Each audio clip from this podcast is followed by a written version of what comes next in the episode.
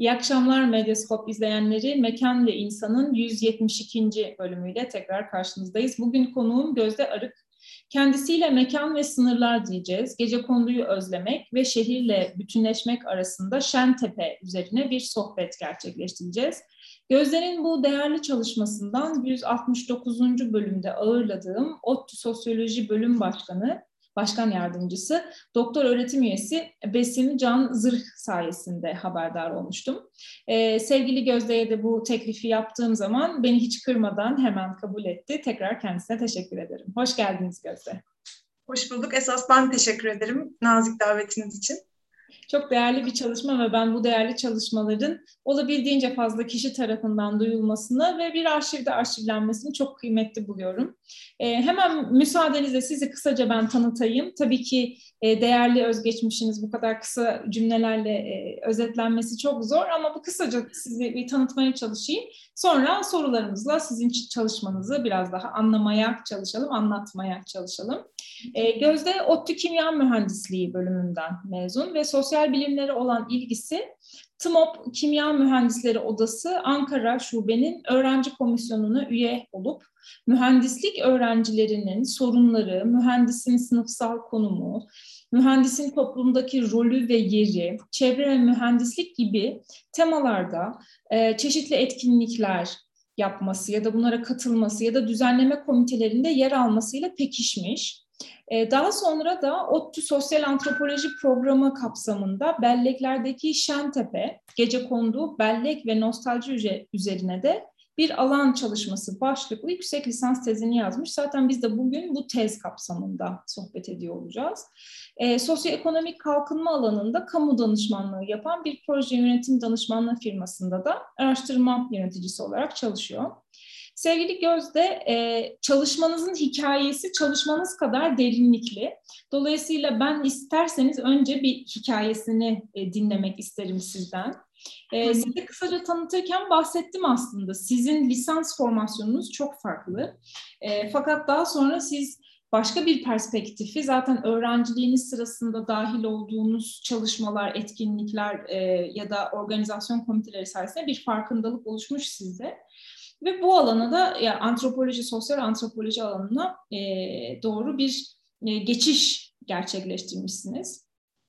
Ben seçtiğiniz alanın yani Şentepe'nin ve bu çalışmanın e, sizin için nasıl bir önemi olduğunu, neyi merak ettiğinizi, e, bu konuyu çalışmaya nasıl karar verdiğinizi merak ediyorum. Yani kısaca araştırmanızın o tezde yer alamayan hikayesini bizimle paylaşır mısınız?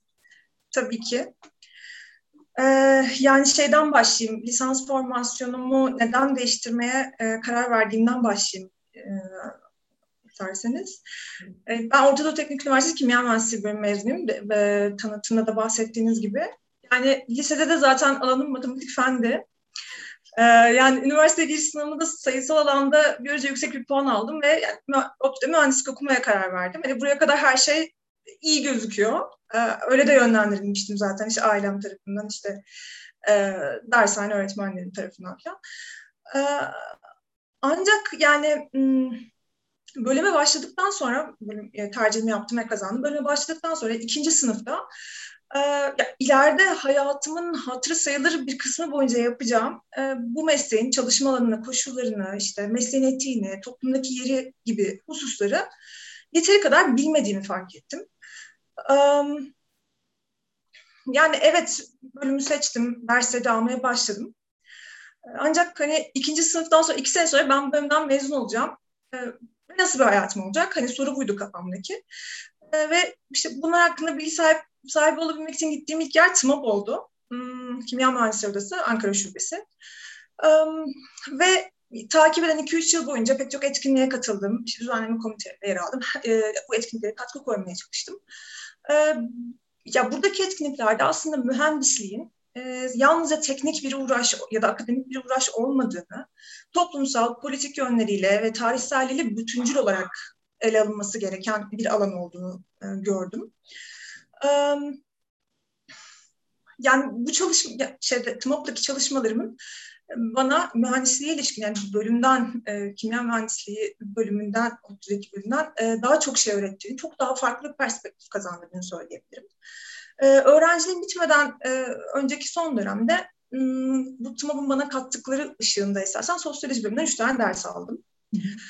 E, yani bu hayatla ilgili dert edindiğim şeylerin, cevabını merak ettiğim soruların aslında yalnızca teknik meselelere gömülmüş, içinde bulunduğumuz sosyoekonomik yapıya bütüncül bakmayan bir mühendislik çerçevesi içinde bulamıyordum. Yani mühendisin içindeki, mesleğin içindeki hakim çerçeve de buydu esasen. Ee, ve dediğim gibi sor, sorduğum soruların hayatla ilgili dert edindiğim şeyleri e, bu mühendisliğin çizildiği disiplin alanı içinde e, bulamayacağım gördüm. Böylece çalışma alanımı değiştirmeye karar verdim ve sosyal sosyoloji anabilim dalının bir program olan sosyal antropoloji e, programına başvurdum ve 2014 yılında da e, eğitime başladım. Tabii bu süreç beni çok değiştirdi. Bilime bakış açımı çok değiştirdi. E, hayata dair bakış açımı çok değiştirdi. Tezi nasıl, yani tez konusunu nasıl seçtiğimi kısaca değinecek olursam, ya esasen bunu e, söylemeye başlamadan önce şunu söylemek isterim. Yani e, konu seçimlerinin o kişisel hikayesini sizin e, de dediğiniz gibi ve merak ettiğiniz gibi ben de merak ediyorum ve önemli buluyorum esasen. Um, yani bu hikayeler böyle çok biricik ve çok önemli olduğundan değil esasında tam da aksine araştırmacının işaret ettiği toplumsal gerçeklikten azade, değişmeyen ve asal bir kategori olmadığını göstermesi açısından bence çok önemli. Ee, bir de yine araştırmacının dünyaya dair, derdinin ne olduğu ve bu dertle nasıl bir bağ kurduğu, nasıl ilişkilendiğini kavrayabilmemiz açısından çok önemli olduğunu düşünüyorum. Ee, benim Şentepe'ye alan olarak ilgime gelirsek de işte bu bölüme başladım. Sosyal antropoloji. 2015-2016 yıllarında yüksek lisansın ders dönemindeydim ve antropoloji teorisi ve metodu diye bir e, ders alıyordum ve dönem boyunca da bir alan araştırması tasarlayıp dönemin sonunda sunmamız gerekiyordu. Ee, yüksek lisans eğitimine başladığım dönemde aynı zamanda da özel ders veriyordum. Yani bilirsiniz o türden özel ders. Cep harçlığımı çıkartmak için aslında matematik dersleri veriyordum. E, iyi de gidiyordu aslında. Hani finanse ediyordu benim eğitimimi, yüksek lisans eğitimimi. E, hiçbir burs başka bir finans kaynağı bulmadan. Ancak yani bir noktada bunu şöyle ifade edeyim, ifade edeyim. Bir kurt kemirmeye başladı beni. Yani bu yıllarca çalışarak elde ettiğim e, akademik e, birikimden yalnızca maddi olarak bunun karşılığını ödeyebilen ailelerin çocuklarına yararlanır olduğu gerçeği duruyordu ortada. E, ve bu bir yerden sonra beni yaptığım şey biraz yabancılaştırdı açıkçası. Ve manevi bir tatminsizlik başladı. E, ve aslında toplumun eğitimli bir ferdi olarak hani topluma da bir sorumluluğum olduğunu düşündüm ve yoksul ailelerin çocuklarının da bu birikimden faydalanması gerektiğini düşündüm ve böyle dertlerde yakın çevremde ne yapabilirim e, gibi bir arayışa girdim. Bu arada ben yeni mahallede doğdum, büyüdüm. E, Şentepe'de yeni mahalleye bağlı bir mahalle e, ve hala da hani burada yaşıyorum. Bunu bir parantez içine söyleyeyim. Hani ileride yeri gelecek çünkü e, özellikle metodolojik e, tartışmaları yaparken. Ee, yani kendimi de yeni mahalle olarak tanımlıyorum diyebilirim. Yani yeni mahalleye ait hissediyorum kendimi. Mekansal bir aidiyet hissediyorum. Ee, geri dönecek olursam bu bahsettiğim dertlerle işte 2015 yılında Yeni Mahalle Yerel bir derneğin, Yender, e, Yeni Mahalle Dostları Derneği'nin gönüllü eğitim projesine katkı koydum. Ee, bu proje kapsamında da bir sene boyunca Yeni Mahalle'de yaşayan yoksul ailelerin ortaokulda okuyan çocuklarına gönüllü olarak matematik dersleri verdim. E, ve yani Şentepe'den gelen çocuklar ve aileler esasen burada tanıştı. Bu bir yani toplumsal bir karşılaşma e, gibi e, ifade edebilirim bunu. E, yani bu noktada hani yıllardır yeni mahallede yaşayan bir insan nasıl olur da 20'li yaşlarının sonunda fiziksel olarak bu kadar e, yakın bir yerdeki insanlarla hani tanışır sorusu sorulabilir elbette. Bu çok önemli bir soru. Hatta o sınır e, diye bahsettiğimiz şeyin aslında temelini oluşturan da bir e, soru.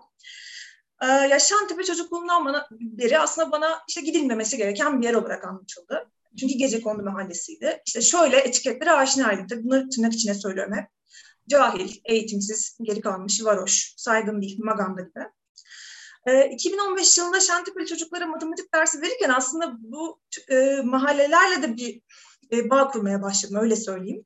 Çocuklar aracılığıyla, aileleriyle de bir bağ kurdum. Ee, ve bu esnada aslında hem de o dersi de alıyordum. Yani antropoloji teorisi ve metodolojisi dersinde alıyordum. Ee, daha önce bu mahalle ve sakinlerine bir çeşit kayıtsızlıkla baktığımı fark ettim. Yani evet orası tırnak içinde öyle bir yerdi. Yani bana anlatılan gibi bir yerdi ve ben de zaten hiç gitmemiştim. İşimde olmamıştı vesaire gibi. Yani her şey o güne kadar yerli yerindeydi. Ee, sonra yani yine benzer bir böyle e, kurt düştü işime belki de her şey anlatıldığı gibi değildi hakikaten. Ee, sonra bu kayıtsızlığım aslında bir meraka dönüştü. Yani Şentepe nasıl bir yer, e, nasıl tarihsel, politik, toplumsal süreçlerden etkilenmiştir gibi. Sonra dedim ki ben bu dersi dönem ödevi olarak mahalleye çalışayım. Yani bu dönem ödevi olarak bu mahalleyi e, hani, e, bir araştırma tasarlayayım ve bunu da dönem sonunda sunayım. E, ve hem de o hissettiğim işte merak aslında öyle anlatılmamıştı, öyle olabilmiş, işte şüphe gibi o karmaşık duyguların da üstüne gitmiş e, olacaktım bu sayede. Ve yani sonuç olarak kendi stigmalarımdan e, yola çıkarak Şentepelilerin, Şentepe, yeni mahallelilerin Şentepe bakışını ve bu bakışın da yıllar içinde nasıl evrilebileceğiyle ilgili birkaç görüşme yaptım. Yani çok sınırlı, iki üç tane görüşme yaptım. Ve bunlarla ilgili kısa bir sunum hazırladım. E, takip eden dönemde test konumu belirlemem gerekiyordu esasen. E, ya ben aslında bellek çalışmak istiyordum. E, bir yandan da hani Şentepe'yi de e, birazcık böyle deştim oradan bir şeyler buldum, araştırdım falan. Yani bu ikisini birleştireyim dedim. Çünkü Şentepe çok e, aslında Türkiye'nin yakın tarihine de e, dair söyleyecek çok sözü olan zengin bir araştırma alanı. Ve bu ikisini birleştirmeye karar verdim. Hem bellek ve Şentepe e, konularını. Ve sonrasında dedim ki yani Şentepe nasıl hatırlanıyor? Bunun üzerine gideyim. E, başlangıçta net bir araştırma sorum yoktu aslında. E, bunun üzerine bir pilot çalışma işte yapmaya karar verdim. E, biraz daha aslında şey istedim yani hani alanın kendisinden çıksın soru. Yani ben tamamen alanla alakasız bir şekilde gideyim ve bir soru e, kafamda olsun gibi değil de görüşmeleri yaptıktan sonra oradan bir şeyler çıksın ve ona göre şekillensin araştırma sorusu istedim. Bu pilot çalışma esnasında çalışmak istediğim konuya ve alanın özelliklerine uygun olabilecek bir takım temalar belirledim. İşte göç, gece konduluk, kentsel dönüşüm, zaman bellek aktarımı gibi bu temalarda çeşitli sorular hazırlayıp birkaç görüşmeyi gerçekleştirdim. Bu görüşmeleri ayarlarken de biraz önce bahsettiğim dernekten kişilerin tanıdıkları üzerinden ulaştım aslında Şentepe'deki kişilere. Pilot çalışmanın kapsamında o görüşmeleri yürütürken görüşmecilerin hepsi yani istisnasız hepsi gece konudaki yaşamı çok özlediklerini ve şimdiki yaşamlarına hiçbir şekilde benzemediklerini ifade ettiler. Ee, esasen böyle bir cevap duymayı beklemiyordum ben herkesten. Ve böyle çok hmm, hani sahaya gittiğimizde sadece söylenen ne bile aynı zamanda jestleri, mimikleri nasıl anlatıldığını da gözlemliyoruz ya. ya çok etkiledi beni bu çünkü çok özlediklerini e, gözlemledim. E, neden beklemiyordum böyle bir cevap, böyle bir e, karşılıkla karşılaşmayı. Çünkü e, gece konuları müteahhitlere veren ve apartmanlarda oturmak için çabalayanlar da aynı kişilerdi. Sonrasında bu bunu bir araştırma problematiği, bir puzzle olarak ortaya koyup onun üzerine gitmeye karar verdim.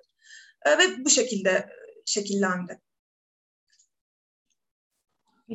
Çok derinlikli bir hikayesi var çalışmanızın. Zaten araştırmanızın da değindiği pek çok noktası var. Oradan da anlaşılacak. Biraz sonra sorularımla açmaya çalışacağım ben. Aslında araştırma alanınızı bize biraz tanıttınız. Fakat ben yine de kısaca Şentepe'nin e, neresidir? Ankara'da nereye denk düşer? Gelişimi, demografik yapısı, fiziksel dokusu, e, gibi bize birazcık tanıtmanızı rica edeceğim. Bir de e, çalışmanızın anladığım kadarıyla aslında siyasi olarak da bir anlamı da var Şentepe'nin. Özellikle kentsel yerel yönetsel hareketlerde bir yeri ve bir önemi de var. Belki bize kısaca hani Ankara içindeki Şentepe'den ya da Şentepe'nin genel olarak belki e, yerel yönetsel hareketlerdeki yeri ve öneminden biraz bahsedersiniz. Biz, biraz bizi sahaya ısıtırsınız. Tabii. E, ya öncelikle hani çok böyle havada kalıyor bazı şeyler anlatınca. Bir lokasyon olarak hani şunu söylemek istiyorum. Yeni Mahalle e, ilk e, resmi yerleşim yeri olarak en yakın yer Yeni Mahalle Şentepe'ye.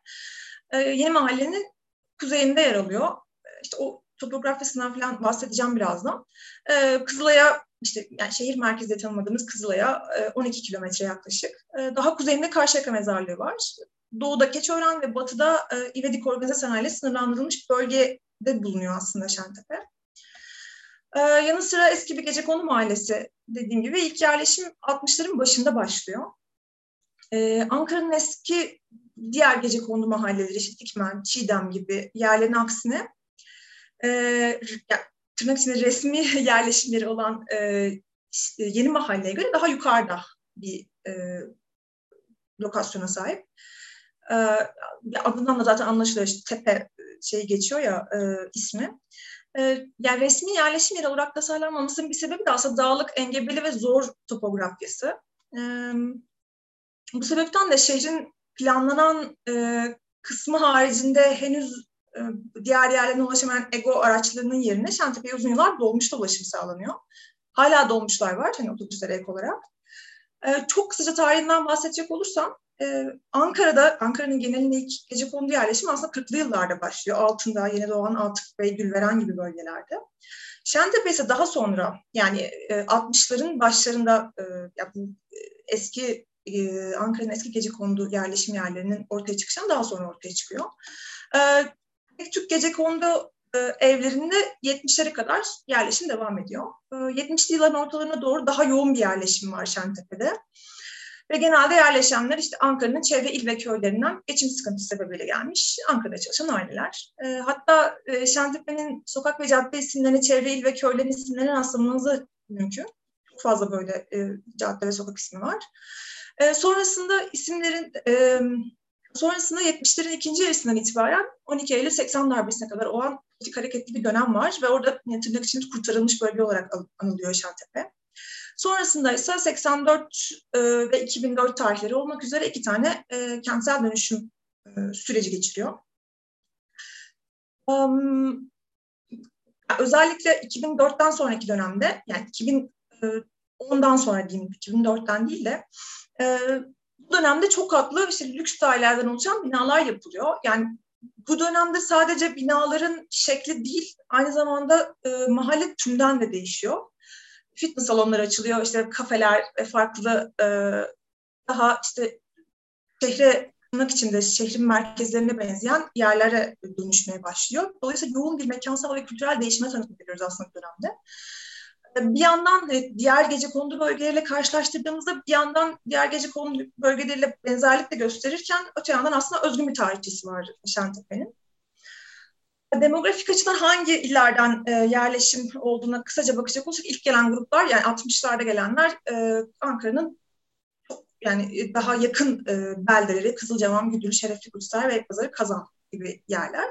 İkinci grupta yani 70'lerde gelenler daha biraz daha çember e, genişliyor. E, İç Anadolu illeri Yozgat, Kırşehir, Çankırı, Sivas, Niğde gibi e, illerden geliyorlar. 80'lerden sonra Çorum ve Bolu, en son grupta da Erzurum ve Kars'tan gelenler var. E, kısaca Şentepe ile ilgili sanırım bunları söyleyebilirim. Ee, yeni Mahalle ve Şentepe ikiliğini aslında Yeni Mahalle'de büyüdüm ve Şentepe benim için bir sınırdı dediğiniz zaman aslında bence çok güzel özetlediniz ama ben yine de e, Şentepe'li olmak Yeni Mahalle'den nasıl okunur? Yeni mahalleli olmak Şentepe'den nasıl okunur? E, bu iki sistemin birbirlerini değiştirme ve dönüştürme ya da anlamlandırma açısından nasıl bir ilişkileri vardır? Yani fiziksel, sosyal, görünen ve görünmeyeni ile nasıl sınırları var bu iki yerleşimin diye sormak isterim. Hı hı. Ee, sanırım bu soruyu cevaplamaya yeni mahallenin yerleşim yeri olarak kuruluşundan yine kısaca bahsederek e, başlayabilirim. Yeni mahalleye baktığımızda, kuruluşuna baktığımızda ilk evler işte 46-49 yılları arasında e, inşa ediliyor. O zaman Ankara'nın 9. belediye başkanı, Büyükşehir Belediyeleri yok. Doktor Ragıp Tüzün onun çabalarıyla e, çoğunluğu memur e, ya da dar, küçük işletme sahibi dar gelirli aileleri uygun fiyatlarla yerleşim alanı sağlamak amacıyla inşa ediliyor. Doktor Ragıp Tüzün Ankara'da Atatürk Orman Çiftliği e, karşısında bulunan Pamuklar Çiftliği arazisini satın alıyor. E, bir takım altyapı çalışmaları yapılıyor. Sonra metrekaresi e, 1 liradan konut yapılması için uygun fiyatlara satılıyor e, vatandaşlara. E, mahalledeki en büyük parsel aslında 300 metrekare ve satış fiyatı da 300 liraya denk geliyor. E, dönemin memur maaşları ortalama 200 lira e, ve arsa fiyatı buna bakınca kıyaslama yapınca çok uygun aslında. Hatta o kadar uygun ki taksite bile girmenize gerek kalmıyor. E, buna ek olarak emekli sandığı da uzun süreli ve düşük e, faizli krediler sağlıyor. Yeni mahallenin ilk ismi Ucuz Arsa Evleri aslında. 1957 yılından itibaren Ank Ankara'nın ilçesi haline geliyor. E, mahalledeki sosyokültürel hayatın tasarlanışına biraz bakacak olursak, e, yeni mahallenin ismi de hani tıpkı Yenişehir örneğinden e, bildiğimiz gibi Cumhuriyet'in Ankara'sına tırnak içinde uygun bir sosyal ve kültürel e, yaşama planına, bir yaşam tasarımına işaret ediyor. E, işte yeni mahallenin simge mekanları var. E, işte Alemdar Sineması, Çarşı Caddesi, Çınar Fırını, Çalıkuşu Meyhanesi gibi, Ragıp Tüzün Parkı gibi. bütün bu sembol mekanlarıyla aslında modern e, bir işte sosyokültürel e, yaşam e, inşa edilmeye çalışılıyor. E, araştırma esnasında belediyenin e, bastırdığı kitapçıkları da tarama imkanım olmuştu ve bu kaynaklarda Yeni Mahalle Ankara'nın batıya açılan penceresi olarak tanımlanıyor ve bu başlık, böyle bir başlık, böyle bir bağlamda ele alınıyor. E, ayrıca Yeni Mahalle'nin evlerinin kendilerine özgü mimari bir üslupları var. Mekansal organizasyonları var. Hatta mimar literatüründe de yer aldığını biliyorum.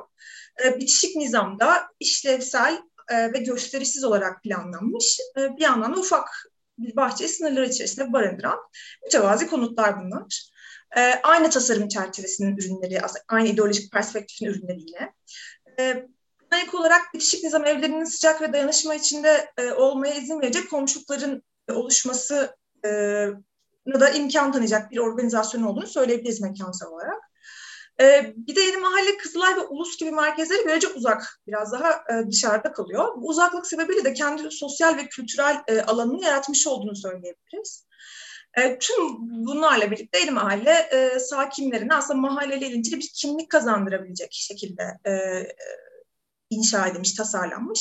E, Funda Cantek e, söylüyor bunu. E, yeni mahalle bir orta sınıf ütopyası şeklinde e, anlatılıyor e, eski, özellikle eski yeni mahalleliler tarafından.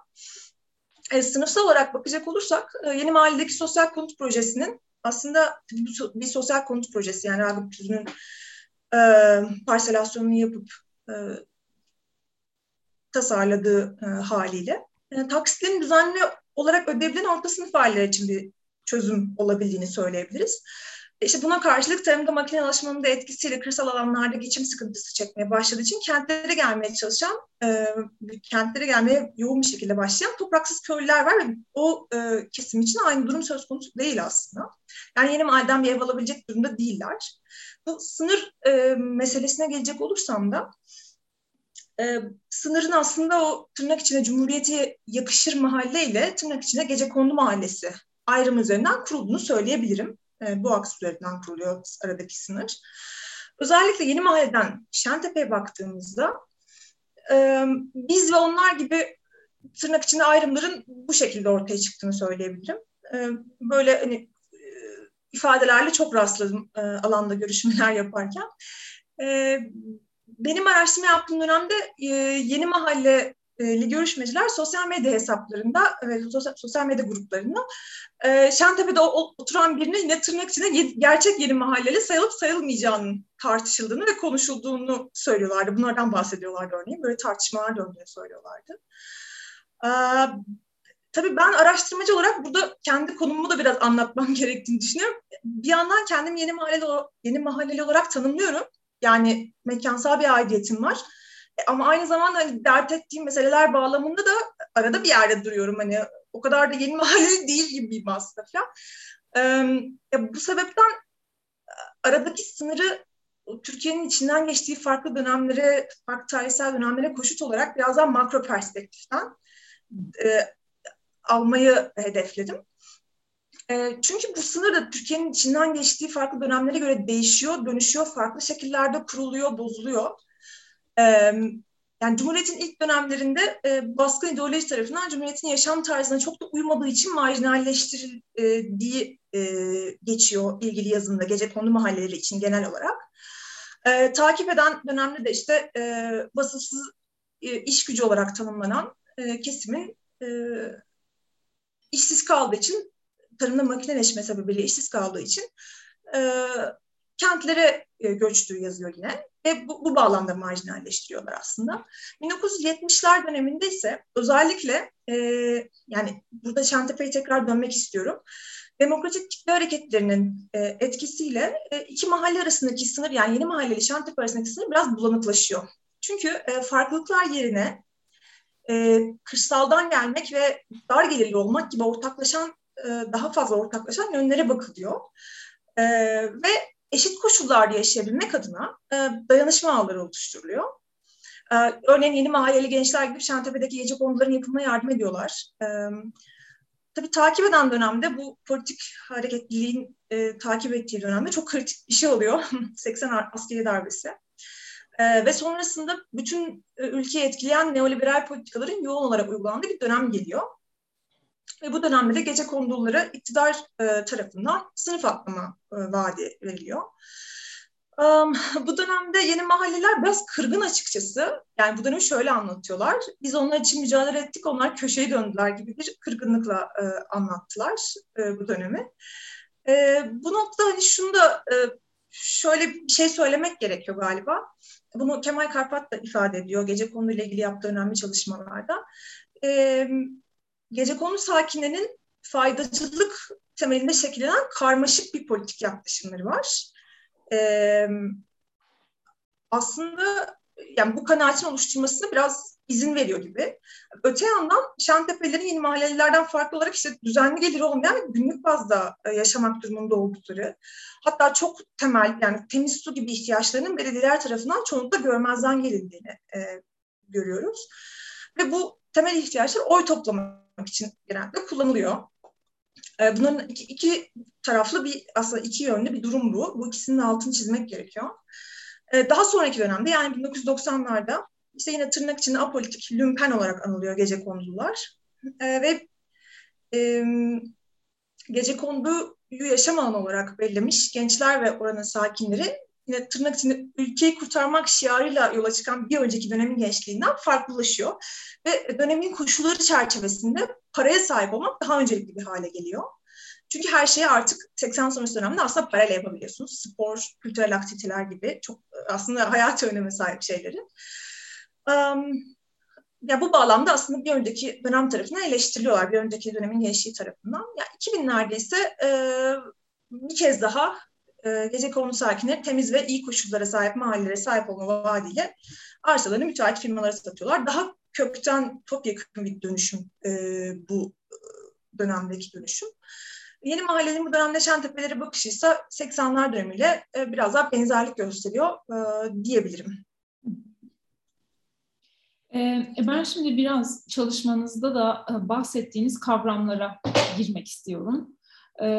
Araştırmanın siz de biraz önce hikayesini anlatırken bahsettiğinizde bir pilot çalışması var. Ve burada aslında oldukça geniş bir çerçevede kavramlarla çalışıyorsunuz. Yani göç, gece kondululuk, kentsel dönüşüm, zaman ve bellek aktarım üzerine de bir analiz yapmaya çalışıyorsunuz. Aslında bizim yüksek lisans tezlerinde alışık olduğumuzun çok üstünde bir e, ilişkilendirme seviyesi bu. Çünkü çok fazla kavramı aynı anda e, çalışmaya çalışıyor aslında. E, ben şeyi çok merak ediyorum. Yani zaten siz biraz hikaye kısmında anlattınız. Bu kısım sizin gözlemlerinizden ve yaptığınız bazı e, ufak görüşmelerden aslında yola çıkarak e, nasıl ilişkilendirebilirim? Kafanızda zaten bellek çalışmak varmış. Bunu şey yapmışsınız ama bütün bu kavramları hakikaten böyle e, derinlemesine bir şekilde çalışırken e, aslında iki soruyu birleştirerek soracağım burada size. E, lisans formasyonunuz çok farklı, kent çalışması yapıyorsunuz ama sosyal antropolojinin de yöntemsel avantajlarını kullanıyorsunuz. Belki hem kavramlar üzerinden hem de bu e, yöntemsel avantajları sosyal antropolojinin size sunduğu ve belki de bir e, kimya mühendisinin sahip olduğu ve bizim e, kent araştırmacılarının hiç bilemediği bir detayı, bir formülü siz yakalamış olabilirsiniz deyip size bırakayım sözü. Ya e, şöyle ki e, aslında bu sosyal antropolojinin metodolojik imkanları meselesinde e, ya da işte mühendis artı işte sosyal antropoloji çalışmış bir insan e, o alışılmadık bir terkip aslında. Yani hani nasıl falan. Çok bu soru çok karşılaştım aslında. Ben çok soruldu bu soru bana. E, ancak hani şey tarafından şunu söyleyebilirim. E, yüksek lisansım boyunca ve o dönemden süre gelen dönem boyunca aslında e, şeyin lisans formasyonunun bana öğrettiklerini yıkmaya çalıştım ben. yani oraya eleştirel baktım aslında. E, çünkü dediğim gibi e, çok pozitivist e, e, çerçevelerin hakim olduğu bir alan mühendislik. Dolayısıyla hani TMOB'da da biraz eleştirel baktım vesaire. Hani o çerçevenin lisans formasyonu bana kazandırdığı çok bir hani sosyal antropoloji sirayet eden çok şey olduğunu söyleyemem bu anlamda. Dediğim gibi eleştirel yaklaşmam gerekti zaten. E, şey e, hususunu da aslında çalışmada e, neyi problematize ediyorsanız e, sonunda yaptığınız analiz de ona paralel oluyor. Benim e, metodolojik olarak problematize ettiğim bir husus bu gece kondu olgusunun gece kondular şehirlere entegre oldu mu olmadı mı aksında e, tartışan perspektife biraz eleştirel yaklaşmaktı. Çünkü burada homojen, işte katı bir bakıma ideal bir şehirlik tanımı yapmak gerekiyor. Tam da o işte eleştirdiğimiz pozitivist çerçeveye göre bir tanım yapmak gerekiyor. Bir çizgi çiziyorsunuz ve ona göre diğerlerini, tırnak içinde diğerlerini sıralıyorsunuz. Yani orada o çizgiye uzaklıklarını ölçüyorsunuz aslında. Ee, dolayısıyla e, bu işte ideal tanımı şehirleri yaşama alanı olarak seçenlerin mi yaptığı yoksa başkalarının mı yaptığı e, hususu biraz tartışmalı. Evet aslında hani sosyal antropolojinin bana öğrettiklerine biraz gelecek olursak e, o farklı olanın ötekinin e, bilgisini üretmek işi. E, klasik dönemde de ilk ortaya çıktığı dönemde de aslında ulus devletlerin sömürgeleştirmek istedikleri komünitelerle ilgili e, bilgi toplamak amacına hizmet ediyor. Yani burada temel amaç kontrol etmek için bilgi toplamak. Ancak 70'lerden sonra olan hakim olan pozitivist çerçeve eleştiriler geliyor tabii ki. Hani biraz daha eşitlikçi bakabilecek, araştırmaların işte özne, araştırmacı yani nesne ele alınan topluluk polarizasyonunu biraz daha eşitleyici nitelikte e, eleştiriler getiriyor. E, böyle bir perspektiften, böyle bir bakış açısından hareketle e, arada toplumsal sınıflar, sınıf farklılıkları olan bir yere bakarken yani Şentepe'ye yaşama alanı olarak belirlemiş kişilere bakarken teorik olarak biraz daha nasıl daha fazla ses verilebilir o insanlara e, problematiği üzerinden gitmeye aslında gayret ettim ben. Hani literatürdeki diğer çalışmalardan eğer ayrılan bir yanı varsa bu olabilir belki. E, bu bağlamda hani o integrasyon perspektifini e, sorunsallaştırdım ve bulgular da bu çerçevede oldu tabii ki. E, hani etnografi ağırlıklı bir çalışma yürütmeye gayret ettim. E, nitel yöntemleri takip etti. Tabii araştırmanın bağlamı ve problematiği birlikte düşününce çok fazla da başka bir e, yol e, yok gibiydi zaten. Hani uygundu daha doğrusu bu yöntem, nitel yöntemler e, benim e, problematiğime. E, çoğunlukla yarı yapılandırılmış derinlemesine mülakatlar yaptım. Aslında bu mülakatlar da uzun böyle e, sohbet havasına geçen mülakatlar oldu. E, yani çünkü temel olarak görüşmecilerinin kendilerini rahat hissetmeleri ve sorulara kendi kişisel hikayeleri ve ilişkilenmeleri çerçevesinde ayrıntılı cevaplar vermeleri e, bekliyordum. Bellek meselesini deşmek biraz böyle bir şey aslında. E, bunun yanında toplu görüşmeler de yaptım. Yani kendi, görüşmecilerin kendi aralarında e, anıları nasıl anlattıklarını e, gözlemlemem açısından bu önemliydi. E, e bunları söyleyebilirim sanırım. Yani şey hususunu o kavramları birlikte değerlendirmek konusunda sanırım e, ya nostalji bellek e, kavramları ile ilgili e, araştırmanın merkezinde olan şeyleri anlatırken buradan daha çok e, şeyler söyleyebilirim diye düşünüyorum.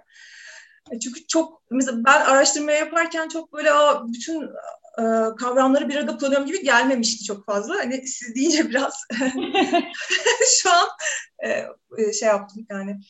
Peki. Ben o zaman aslında son soruyla taşlandırayım ve sözü size bırakayım. E, siz aslında bu çalışmada en nihayetinde bu kavramlar birbirleriyle ne kadar ilişkili olduğunu bize anlatıyorsunuz. İlk başta birbirinden çok farklı e, noktalara odaklanılması gerekirmiş hissiyatı veren e, meseleyi o kadar güzel bir yerde toparlamışsınız ki zaten biz de bugünkü programın başlığını e, biraz onun çerçevesinde değerlendirdik. Çünkü siz Zaten bize Şentepe'yi tanıtırken de e, 60'lardan başladınız. Hatta 40'larda Ankara'daki ilk gece kondulardan başlayarak anlattınız. Dolayısıyla e, zaten kentsel bir organizmanın içerisindeki bir bölgeden bahsediyoruz. Ondan bağımsız, gelişen değil ama bir yandan da görünmeyen sınırlardan da bahsediyoruz tabii. Özellikle yeni mahalleyle arasında. Bu mekandaki değişim ve dönüşümü bellek ile ilişkisini ve nostalji gibi kavramları da kullanarak okumasını yapıyorsunuz aslında. Çok değerli bir e, e, yaklaşım. Şimdi e, gece kondu biz bugün işte e, şehir ve bölge planlama ya da kent çalışmalarında artık e, eskisi kadar üzerinde sürekli aynı şeyi söylediğimiz bir konu değil ama 80'lerde örneğin 90'larda çok çalışılan, Tahir Ermanların e, üzerinde e, çok durduğu, üzerine külliyat olan bir konu. Ama bugün siz tezinizde çok güzel bir şey bu bence. Dönüşen gece kondululuk hali diyorsunuz. Ve bunun sizin de biraz önce tarif ettiğiniz şekliyle şehre entegre olma yöntemi. Çünkü gece kondululuktan çıkmak şehirli olmanın bir yöntemi o doğrusal çizgi üzerinde sıfırdan bire ya da eksi birden sıfıra doğru bir ilerlemeyi gösteren çok batılı bir bakış açısı bir yandan. Kesinlikle katılıyorum size onun da pozitivist bir e, e, yaklaşım. E, ama diyorsunuz ki orada konuştuğum kişiler de onu özlüyorlar. Yani dillerinde çok ciddi bir özlem var ama bir yandan da o arsaların dönüşmesinde de birer aktör olmuşlar. Etken ya da edilgen. Ee, ben biraz hani bu, bu kısmını yani aslında sizin çalışmanızın bulgularını ve belki de bu e, bellek, nostalji ve dönüşüm hikayesini hani bir gece kondululuk halinin şehre entegre olma hikayesi üzerinden tarif etmenizi rica edeceğim. Yani aslında işte başta da söyledim bu e, durum bana bir ilişki gibi gelmiş, bir puzzle gibi gelmişti. yani e, işte hem şehre entegre olmaya çalışan e, ve e, aslında geriden geldiğini düşünen ve hisseden gece kondulular var. Kendileri de öyle ifade ediyorlar bunu. Sağda da hani hep böyle şeyler, yani ben görünüş olarak işte şehirde e, modern bir yaşayışa sahip olabilecek e, genç bir kadınım ve işte ODTÜ'de okuyorum ve e, işte bir araştırma yapıyorum vesaire. Bunlar hani çok böyle şehirli şeyler gibi gözüküyor ve hep e, sahada da işte işte salonumuz bakın ne kadar da aslında biz artık şehirliyiz gibi e, şeylerle karşılaştım tabii ki yani. E, bir yandan bu isteniyor aslında gece kondular, eski gece kondular tarafından. E, ancak öte yandan da işte inanılmaz bir özlem var. Yani hani şey gibi bir şey düşünüyor insan araştırmacı. Yani tam öz, özlenecekse o zaman neden dönüştürüldü gibi bir yere çıkıyor. O yüzden çelişki burada aslında. Ee, ben yine bu çelişkin üzerine gideyim dedim. Ee, yani o pilot çalışmada ortaya çıkan bir araştırma sorusu olarak bunu alayım bu puzzle'ı ve e, acaba buradan neler çıkacak yani sosyolojik olarak, e, politik olarak neler çıkacak e, diye düşündüm ve takip eden araştırmanın en son aşamasını 20 kişiyle görüşmeler yaptım. Biraz daha hani şey oldu, ilk iki aşamasına göre daha yapı, yani daha structured oldu. Yine odakta da tabii e, mahalledeki eski yaşam vardı. Bunu tutmaya çalıştım diğerlerinden farklı olarak. E, ve bulguları ve bu bulguların anlamlarına gelecek olursam ve hani kavramsallaştırma meselesine gelecek olursam e, şeyde e, yani görüşmecilerin e, bahsettiği e, metni ya bir, metin olarak ele alıp buradan acaba hangi örüntüler çıkacak özlenen şeylere dair diye e, bir o, o şekilde bir analiz yaptım ve e, dört tane temel e, şey çıktı ortaya. Başlık çıktı diyeyim. Bunlar şöyle. Komşuluktan bahsettiler en çok özlenen şey olarak. Gece konudaki koşullar, koşulların zorluklarına kıyasla yeni apartmanların rahatlığından bahsettiler. Güvenlik meselesinden bahsettiler ve gece konuların bahçesinden bahsettiler. Şimdi çok kısaca bunları ne anlama geldiğini aslında sahada nasıl karşılaştığından bahsetmek istiyorum. Çünkü sosyolojik bu nostaljik tonunun e, bellekle ilişkili olarak sosyolojik anlamı aslında burada buradan çıkacak. Hmm, ilkinden başlayacak olursam e,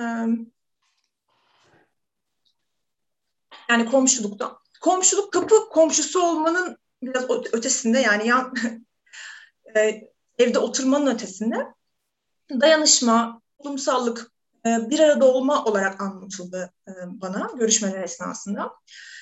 E, aileler eskiden e, birbirlerini çat kapı ziyaret edip gidebilirken e, şimdi birbirini tanıyan komşular dahi olsa haber vermeden birbirini ziyaret edemez olmuşlar mesela. E, yani aslında entegre olmak istedikleri şehirli modern hayatta o hudutlar daha keskin ve daha belirgin.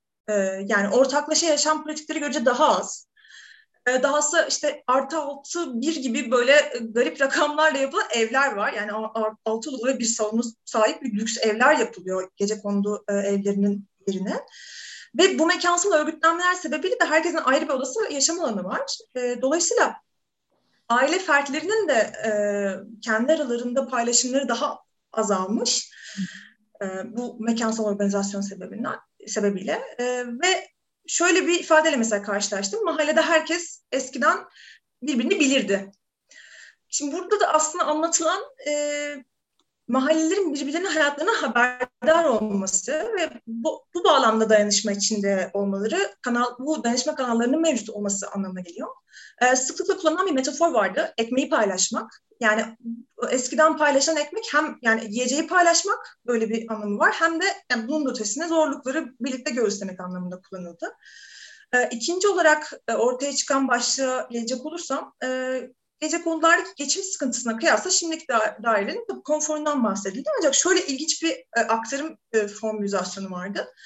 Yine ilkine benzer bir şekilde e, önceden zorlukları bir, birlikte göğüslerken şimdi eskiden aslında konforlu olarak vaat edilen e, yerlerin ancak parası e, parasını ödeyebildiğiniz, bedelini ödeyebildiğiniz takdirde e, sahip olabildiğiniz gibi bir gerçeklikle e, karşı karşıyalar. Ya bu anlamda yaşam alanların metalaştığından bahsedebiliriz ve özel kamusal alan e, arasındaki ayrımın daha da belirginleştiğini söyleyebiliriz Şentepe için.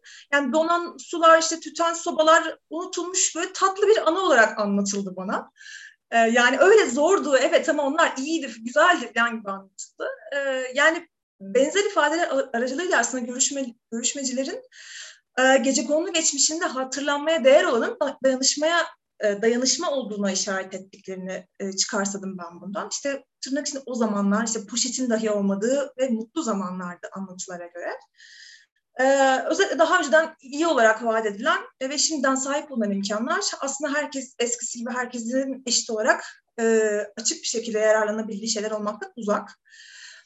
E, bu yüzden de eski tadı yok. E, unutulan bir e, değer evrenine işaret ediliyor burada. E, üçüncü başlığa geçecek olursam üçüncü başlık güvenlik. Bu işte herkes birbirini bilirdi e, şeklinde ifade e, edilen durumun aslında bir güvenlik boyutu da var. Yani salt tanış olmakla ilgili bir şey değil bu. E, aslında e, daha homojen, görece birbirine e, benzeyen yaşam biçimleri e, var. Yani şu betonlara 100 kişi giriyor da bir görüşmeci örneğin. Yani burada bahsedilen kentsel dönüşümle kalabalıklaşan e, mahallenin tabii değişen profili yani başka insanlar geliyor, e, farklı profiller geliyor. E, bir yandan da mahallede yaşayan insan sayısı artmasına rağmen daha az sosyal temas e, mevcut. Birbirlerinin hayatlarının daha az içindeler mahalleliler. Böylece birbirlerini daha az tanıyorlar tabii ki. Yani burada bahsedilen tanımak e, hem karşıdakinin kim olduğunu bilmekle hem de onu kabul etmekle ilgili aslında. Ee, yani eskiden farklı kesimlerin birbirlerini kabul ettiği bir arada yaşadığı mahalleler hani şimdi kabul etmek bir yana birbirinin hayatlarını bile temas etmeden, bilmeden yaşıyorlar. Ee, tabii yani neticede mahalle sakinleri kendilerini daha az güvende hissettiklerini ifade ettiler. Ee, dördüncü ve son başlığa gelecek olursam bahçe. Ee, görüşmecilerle konuşurken yani, e, anıların arka planında hep yer alan bir imajdı bahçe. Yani örneğin işte kendi aralarında konuşmalarını gözlemledim dedim ya biraz daha etnolojik metotlara yaklaşabilmek için. Ee, e, anıları yani bizim bahçenin köşesinde e, bir kayısı vardı, e, kayısı ağacı vardı hatırlar mısın gibi cümlelerle e, başlayarak mesela anlattılar. Dolayısıyla hep e, o bahçeye ve bahçenin bileşenlerinde bir referans vardı aslında. E, bu bah- bu e, durum doğayla süre gelen e, bir bağlantıya işaret ediyor. İşte şimdinin bunu bir görüşmeci ifade etti. Ayağı toprağa değmeyen çocukların aksine gece konu zamanlarında her bahçe içinde ve mahallenin yeşili çok. Aynı zamanda bahçe ailelerin e, birlikte zaman geçirdiği ve herkesin yemeğini alıp geldiği, yine bu da bir görüşmeci tarafından ifade edildi. Yemeklerin ortak bir sofrada yendiği, daha eşitleyici, daha kolektif bir alan. E, gece konuların bahçesi ortaklaşma pratiklerine sahip olduk ve aynı zamanda e, gece konduların yiyeceklerini de yetiştirdik. Yani sebze yetiştirdik, e, yetiştirdikleri bir e, yer. Yani bugünün yine her şeyin manavdan, marketten alındığı e, yaşantının aksine bahçede ürünler yetiştiriliyor. Hem de maddi anlamda bu e, e, bahçenin bu e, e boyutu, bu e, yönü ailelere maddi olarak destek de sağlamış oluyor. Ee, bu başlıkların sosyolojik anlamlarını tartışırken kullanmayı seçtiğim iki ana kavram bellek ve nostalji. Hmm, özellikle e, bellek, yani kentsel dönüşümü belleği kullanarak açmamın sebebi e, şu varsayıma dayanıyor. Yani e, kentsel dönüşümler yalnızca mekansal dönüşümler değildir aslında. Ve bu dönüşümlere bakarken işte zamanın üç temel epizodu yani geçmiş, şimdi ve gelecek e, geleceği birbirini mekanik ve lineer olarak takip eden, biri bitince biri başlayan, sınırları belli ve birbirini dışlayan kategoriler olarak e, ele alan anlayışı problematize e, ettim. Aslında bellek de tam da böyle bir zaman ve tarih anlayışını çerçevemize imkan veren zengin bir kavramdı. E, bu çerçevede geçmişi stabil, ölü, işte bağ kurmaktan, uzak olmaktan çıkaran, tam da aksine bugünü e, ve geleceğe yansıma ihtimali olan bir bağlama kavuşturuyor. E, benzer şekilde nostalji de o geç, gitmiş, geçmişe ağıt yakmaktan ziyade görüşmecilerin aslında gelecekte nasıl bir yaşam alanına sahip olmak istediklerini yansıttıkları şeklinde okunabiliyor. Hmm, bu sebeple hani bu iki kavramı e, kullanmak e, önemliydi benim için. E, bu ikisini kullanarak işte o e, zamanın epizotlar arasındaki geçirgenliği e, göstererek görüşmecilerin kendi yaşam alanlarına ilişkin ne söylediklerine kulak verebiliyoruz. Ee, özellikle işte bellek kavramı çünkü kişileri geçmişin edisyonunu yapma e, bağlamında bir çeşit faillik atfetmemize e, imkan veriyor. Ya elbette mahalleler tabii ki e, suyu dolanan soğuk evleri özlemiyorlar ya da işte çocukların sokakta her türlü tehlike açık bir şekilde oynamasını da özlemiyorlar. Şehirli olmak istiyorlar. Evet iyi evlerde oturmak istiyorlar ancak herkesin birbirinden izole olduğu eskisi gibi e, bir iletişimin olmadığı bir yaşam alanına sahip olmak istemiyorlar öte yandan. Evet bu noktada geçmişe dair özelliklerini anlatırken sahip oldukları o nostaljik ton aslında gelecekte sahip olmak istedikleri mahalle yaşamına işaret ediyor. Yani bu noktada nostaljiyle aslında Ütopya'nın e, bir bağlantısını kurmuş oluyoruz. Yani nostaljiyi sadece geçmişe dair e, ve geçmiş şeylerin e, özlenmesi bağlamında değil, aynı zamanda e, gelecekte tahayyül ettiğimiz şeylerin de e, yansıması olarak okuyabiliyoruz. Dahası nostalji kavramını e, sosyolojik anlamlarına baktığımızda şunu da söyleyebiliyoruz. Nostalji toplumsal değişimlere verilen bir cevaptır. Yani kentsel dönüşümü de bu bağlamda değerlendirebiliyoruz. Çünkü yine hani şey varsayımdan yola çıkarak e, değerlendirebiliyoruz. Tam e, yalnızca mekansal dönüşümler değiller. Aynı zamanda e, sosyokültürel dönüşümlerdir e, kentsel dönüşümler. Yani e, sakinlerinin yaşam alanı olarak belirlemiş insanların e, hayatlarını, gündelik yaşamlarını kökten değiştirecek aslında toplumsal değişimlerdir. E, bu bağlamda nostalji biraz daha ilerleyecek olursak cennetten dünyaya düşüş böyle benzeri yaşanan koşulların aslında geri dönülmeyecek bir şekilde değiştiren bir değişim var. Bir e, kırılım anı var ve sonrasında her şey fanileşiyor öyle söyleyebiliriz. Bu pre-Lapsarian e, periyot deniyor buna. E, ve o eski günler o e, kırılımdan e, önceki ve sonraki olarak ikiye ayrılıyor ve önceki günler e, sanki hiç kötü bir şey yokmuş gibi özlemle bahsedilmeye başlanıyor. Şentepe için de şunu söyleyebiliyoruz. Yani 84 ve 2004 olmak üzere iki dönüşüm momenti var. iki toplumsal değişim, iki kırılma noktası var. Bu ilk gece kondulara tapu tahsis belgelerinin verilmesiyle birlikte ilk, ilk apartmanlaşmanın bah, e, başladığı dönem. E, mahalleyi 80'den önce gelenlerin e, nostaljik baktıkları zamanlar aslında bu dönüşüm momentinin öncesine denk düşüyor. E, mahalleye 80'den sonra gelenler içinse 2004'teki dönüşümün öncesine işaret ediyor. Dolayısıyla o işte e, bu iki e, kırılma anı hiçbir şeyin aynı olmadı ve o altın dönemden e, sonra e, gelen iki farklı düşüş anına e, işaret ediyor. Bunu söyleyebiliriz. E, gece konu geçmişinden kopup nostaljik bir tonla bugüne e, taşınanlara baktığımızda da bunların mahallenin bugünkü hayatında mevcut olmayanlar olduğunu görüyoruz aslında. E, ancak bugün de bulamadıklarını unutmamışlar. Aksine bilinçli bir şekilde bugüne e, getirip onu özlemle anıyorlar. E, bu durumda dayanışma ve ortaklaşma pratiklerinin aslında unutulmadığına işaret ediyor. İşte tam da bu noktada Ütopya ile nostaljinin ilişkisini kuruyoruz ve geçmişten çıkarılıp bugüne getirilen ve özlemle anlatılanlar yaşam alanına, gelecekte nasıl bir yaşam alanına sahip olmak istedikleri ilişkilendirilebiliyor. E, bu noktada mahallelilerin açısından baktığımızda yani e, sonuç kısmına gelecek olursak e, kendilerinin pek de karar verici özne konumunda olmadığı, bütünsel olarak dönüştürülen, özellikle dönüşen, özellikle 80'den sonra yoğun bir şekilde bir şehir, ülke ve dünya var aslında. E, bir yandan bu dünyaya entegre olmaya çalışırken şehir e, ölçeğinde e, öte yandan aslında kendileri yaşam alanlarında alanlarına dair söz sahibi olabilselerdi belki başka türlü bir entegrasyon biçimini seçebilirlerdi. E, bu ortaya çıkan bu çelişki aslında bize biraz da bunu anlatıyor. E, Gece kondunun nostaljisini ve sosyolojik anlamını e, okumaya çalışırken aslında bu çatlak sese biraz ben kulak vermek istedim.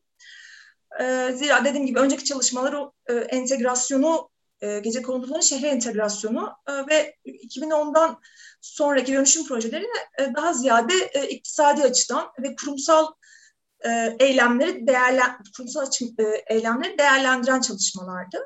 Bu iki perspektife de eleştirel bakarak bir yandan da dönüşümün aslında yatsınamaz iktisadi boyutunu da göz ardı etmeden bir perspektif inşa etmeye çalıştım. E, işte e, bellek ve nostalji e, kavramları da e, bu bağlamda yani mahallelerin süreçlerle ilgili değerlendirmelerini, duygularını daha fazla ses verme imkan verebilecek e, kavramlardı.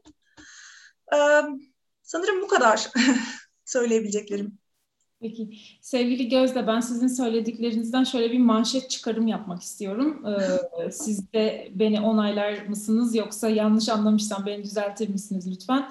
Ee, bizim başlıkta da söylediğimiz gibi gece konduyu özleyen ama bir yandan da şehre entegre olabilmek için gece kondunun dönüşümünün bir parçası olan bir gruptan bahsediyoruz ve bu bir çelişki olarak görülmüştü ilk başta. Fakat sonra siz anlattıkça ve çözümleme yaptıkça biz şöyle bir yere vardık galiba. Aslında bu dönüşümde e, gece konduyu özleyen eski gece kondulu e, Şentepeliler aslında etken değillerdi. Dolayısıyla bu dönüşümün öznesi değillerdi ve onlar aslında bu dönüşümü ya da pardon yanlış söyledim bu entegrasyonu başka bir biçimde yapabilecek olsalar idi belki bu sizin biraz önce saydığınız işte bahçe, komşuluk ilişkileri, güvenlik vesaire gibi konuları çok daha farklı bir şekilde çözüme ulaştırabilecekleri ama bir yandan şehre entegre olmanın belli başlı bazı parametrelerini de yerine getirebilecekleri bir başka süreci önerebilirlerdi diyorsunuz. Ben doğru mu anlıyorum acaba söylediklerinizden? Evet ya bunun e, hatta şeye işaret edebileceğini düşündüğümü söyleyebilirim. Yani ilerideki kentsel dönüşüm projeleri için belki bu bir